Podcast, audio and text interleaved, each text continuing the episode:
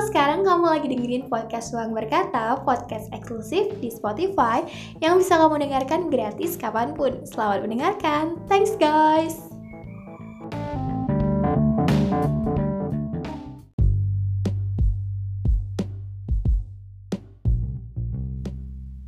Oke, okay, balik lagi via suara bareng gue Dian di episode kali ini sendiri dulu ya. Bukan bukan karena lagi pengen sendiri sih tapi emang gak ada yang mau nemenin aja.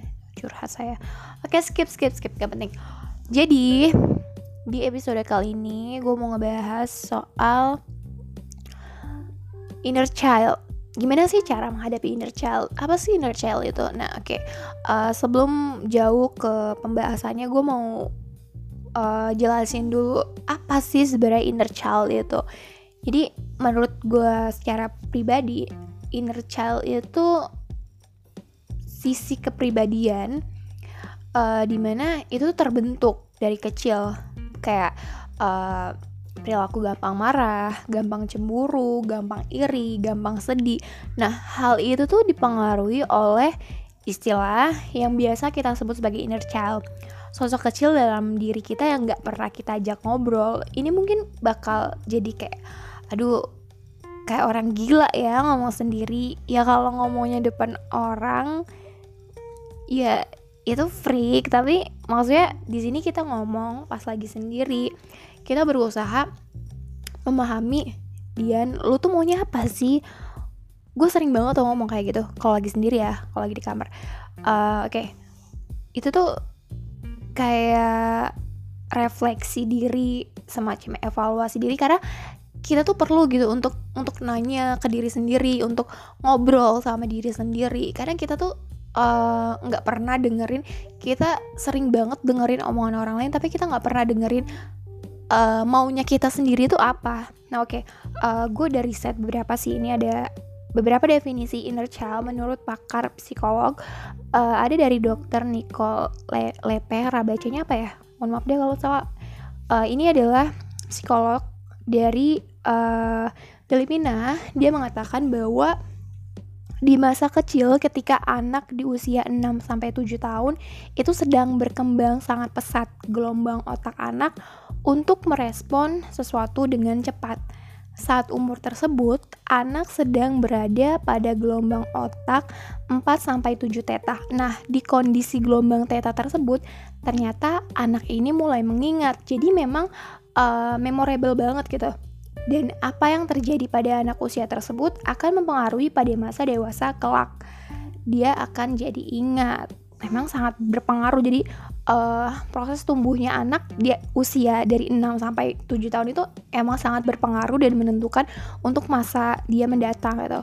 Kayak misalkan simpelnya ya uh, dulu waktu usia 6 tahun anak itu tuh sering banget katakanlah dibentak sama orang tuanya. Dan uh, besar kemungkinan ketika dia dewasa dia akan jadi sosok yang pemarah biasanya seperti itu dari kejadian-kejadian yang uh, pernah gue temui sebelumnya. Dan di sini udah sangat jelas udah sangat jelas poinnya bahwa si inner child ini sangat penting dan berpengaruh besar untuk kita di masa mendatang. Ketika masa kecil dia bahagia lingkungannya baik anak baik juga tentunya untuk ke depannya dan sebaliknya. Gue tuh pernah baca ya buku pengembangan diri dari Yuli Sulistiawati judulnya uh, menggapai hidup bahagia. Biasa buku diskonan sih tapi itu isinya bagus banget sumpah. Uh, tentang psikolog sih tentunya. Di situ ada salah satu bab yang ngebahas uh, tentang trauma masa lalu. Nah, ceritanya tuh ada orang, dia tuh pengusaha sukses banget di Jakarta. Bisnisnya di mana-mana, pokoknya sukses banget lah. Dan hampir setiap hari dia tuh ketemu sama klien ya namanya Jakarta kan gedungnya tinggi-tinggi ya julang gitu. Hampir semua perusahaan pakai lift gitu. Nah di setiap kali nemuin kliennya dia tuh nggak pernah yang namanya pakai lift. Jadi dia pakai tangga tuh. Setinggi apa pun dia selalu pakai tangga. Karena dia punya trauma masa lalu waktu kecil setiap kali dihukum sama ibunya dia tuh selalu dikurung di gudang yang sempit gelap kecil gitu. Dan hal itu tuh sangat nyiksa buat dia ya ya lu bayangin aja dong misalkan lantai 10 harus nemuin klien dia harus datang uh, beberapa jam sebelumnya demi untuk naik tangga gila. Ketika harus bolak-balik tangga setiap hari ya ya orang itu nyiksa lah gila. Tapi di sisi lain trauma kecil itu masih membekas sampai dia umur kepala empat loh bahkan sampai kepala empat. Terus gue mikir kayak wah iya ya. Ternyata dampaknya tuh sebahaya itu gitu. I cannot find my happiness moment ketika gue duduk di bangku SD itu enam tahun kan dari kelas 1 sampai kelas 6 gue merasa lingkungan dan circle pertemanan gue di masa-masa itu sangat berpengaruh membentuk kepribadian gue di masa sekarang. Jadi Dian kecil tuh Dian yang sangat sangat introvert mungkin lebih daripada introvert. Pokoknya gue tuh diem banget. Bahkan gue sering banget diajakin sama teman-teman gue disorak-sorakin. Uh gagu lo ya gak bisa ngomong lo ya. Pokoknya apa pun yang gue lakuin itu selalu jadi bahan bulian. Pernah suatu hari gue inget banget sampai sekarang. Gak tau kenapa ya kayak memori itu melekat banget di kepala gue dulu gue pernah uh, ceritanya gue pengen banget kan punya rambut yang curly gitu loh biasa kan namanya anak kecil umur 6 tahun. Uh, akhirnya mama gue beliin gue wig tuh wig yang curly gitu. Mama gue berusaha yakinin gue untuk supaya gue percaya diri supaya gue bisa punya teman.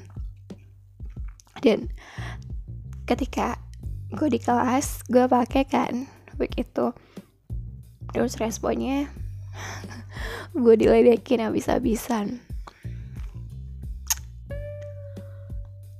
Gue dilempar week week gue itu dilempar-lempar ke sana kemari sama anak-anak cowok.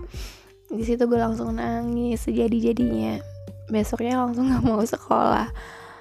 Ya kalian kebayang gak sih? Gue harus menghadapi itu selama enam tahun. Enam tahun lamanya. Kalau kalau SD itu kan uh, teman-temannya selama enam tahun ya udah kan itu itu aja nggak dirombak. Kalau pas SMP atau SMA kan ada penjurusan kelas 1, kelas 2, kelas 3 tuh pasti teman-temannya bakal dirombak walaupun ada beberapa eh yang masih gitu. Tapi gue bisa bertahan gue bisa bertahan selama enam tahun itu. Karena ada juga uh, gue punya teman beberapa teman yang yang kelihatannya dia nggak punya teman terus dia selalu sendiri dia jauh gue yakin banget dia ada masalah gitu uh, kebanyakan teman-teman gue yang kayak gitu mereka mereka akhirnya memutuskan untuk berhenti sekolah. Itu sayang banget sih sebenarnya. Gue sedih sebenarnya kalau dengar cerita-cerita kayak gitu karena gue ngalamin sendiri. Tapi gue jadi mikir wah gila ya gue bisa bertahan sampai 6 tahun itu. Gila hebat banget gue. Gue bisa bertahan ya gue bisa bertahan tapi efeknya masih sam masih kerasa sampai sekarang dan karena hal itu juga uh, gue tumbuh jadi pribadi yang nggak percaya diri. Dia yang introvert dia yang pendiam dia yang pemalu. Uh, mungkin dari beberapa temanku yang mungkin sekarang lagi dengerin podcast ini dan dari kalian yang tahu aku di real life kayak gimana kalian juga pasti tahu kalau aku tuh anaknya pendiam banget jarang ngomong uh, ya itu sebabnya. Karena ada faktor di masa kecil yang kurang mengenakan. Uh, sebenarnya untuk sebagian orang yang kenal deket sama gue yang tahu gue uh, mungkin mereka bakalan menilai lain gue maka mungkin ketika ketika gue ngomong kayak gini bisa ngomong selancar ini di podcast atau gue bisa share apa pun ngomong ngebacot di uh, story IG atau di mana pun di platform media sosial sosial lainnya uh, mungkin orang yang nggak tahu kayak apa ya ibaratnya ya kalau orang ih dia tuh pendiam tapi ternyata di sosmed dia enggak ya kayak ih dia tuh pendiam tapi luarnya doang aslinya sama aja ganjen ini terus segala macam. Enggak sebenarnya ya ya gue gue akan untuk orang yang gak mengenal gue secara dekat mungkin akan menilai gue pendiam tapi gue tuh akan mengeluarkan jati diri gue yang sesungguhnya tuh hanya pada orang-orang terdekat gue jadi mungkin untuk orang yang uh, menilai gue negatif karena aslinya pendiam tapi ternyata di sosmed enggak sebenarnya enggak. Emang aslinya gue kayak gini cuman gue hanya menunjukkan itu pada orang-orang tertentu aja gitu. Hmm, terus poin yang mau gue sampaikan di sini sebenarnya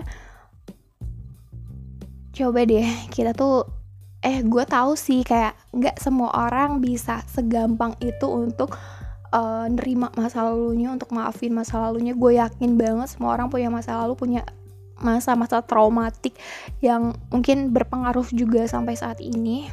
Tapi itu akan sangat nyiksa banget kalau misalkan nggak kita obati dari sekarang. Bahkan sampai berpuluh-puluh tahun. Ya kita berusaha maafin gitu. Maafin masa lalu kita maafin kita yang dulu. Ajak deh. Sewaktu-waktu kita tuh perlu tahu ngomong sama diri sendiri. Kita renungin beberapa uh, kita duduk diem terus ngobrol sama sendiri diri sendiri. Bukan bukan berarti kita orang gila loh nggak. Itu itu sama sekali perspektif kayak gitu tuh sama sekali nggak bener. Tapi itu adalah bentuk refleksi dari diri kita. Kita ngerenungin apa yang udah kita lakuin. Uh, kita coba jujur sama diri sendiri. Mau kita apa? Pelan-pelan gue tahu gue tahu proses itu nggak ada yang gampang dan gak ada yang instan. Sampai sekarang pun gue masih apa ya istilahnya gue masih bertengkar masih masih ini sama diri gue sendiri. Gue sering banget denial gue uh, gue susah banget untuk self love ke diri sendiri. Pokoknya banyak perdebatan-perdebatan dalam batin dalam diri gue sendiri nih yang sampai saat ini belum bisa gue selesaikan. Intinya apa pun itu gue cuma mau bilang kalau siapa pun kalian kalian berhak untuk bahagia. Kalian kalian berhak untuk bebas dari masa lalu kalian itu. Kalian kalian bebas jadi orang yang lebih bermanfaat lebih baik lagi. Kalian berhak untuk itu semua. So jangan pernah ngerasa sendiri karena kalian gak pernah sendiri. Jangan pernah ngerasa uh, bahwa diri kalian itu yang paling tersakiti yang paling pokoknya paling paling terpuruk karena uh, semua orang ngerasain itu semua cuma kita nggak tahu. Uh, mungkin itu aja sih yang pengen gue sampaikan dari episode kali ini. Um, semoga dari obrolan yang singkat ini ada poin penting yang bisa kalian dapet. Dan gue terima kasih banget untuk semua teman-teman gue yang udah mau dengerin podcast gue dari awal sampai sekarang gue sangat-sangat berterima kasih dan sampai ketemu di episode selanjutnya Bye.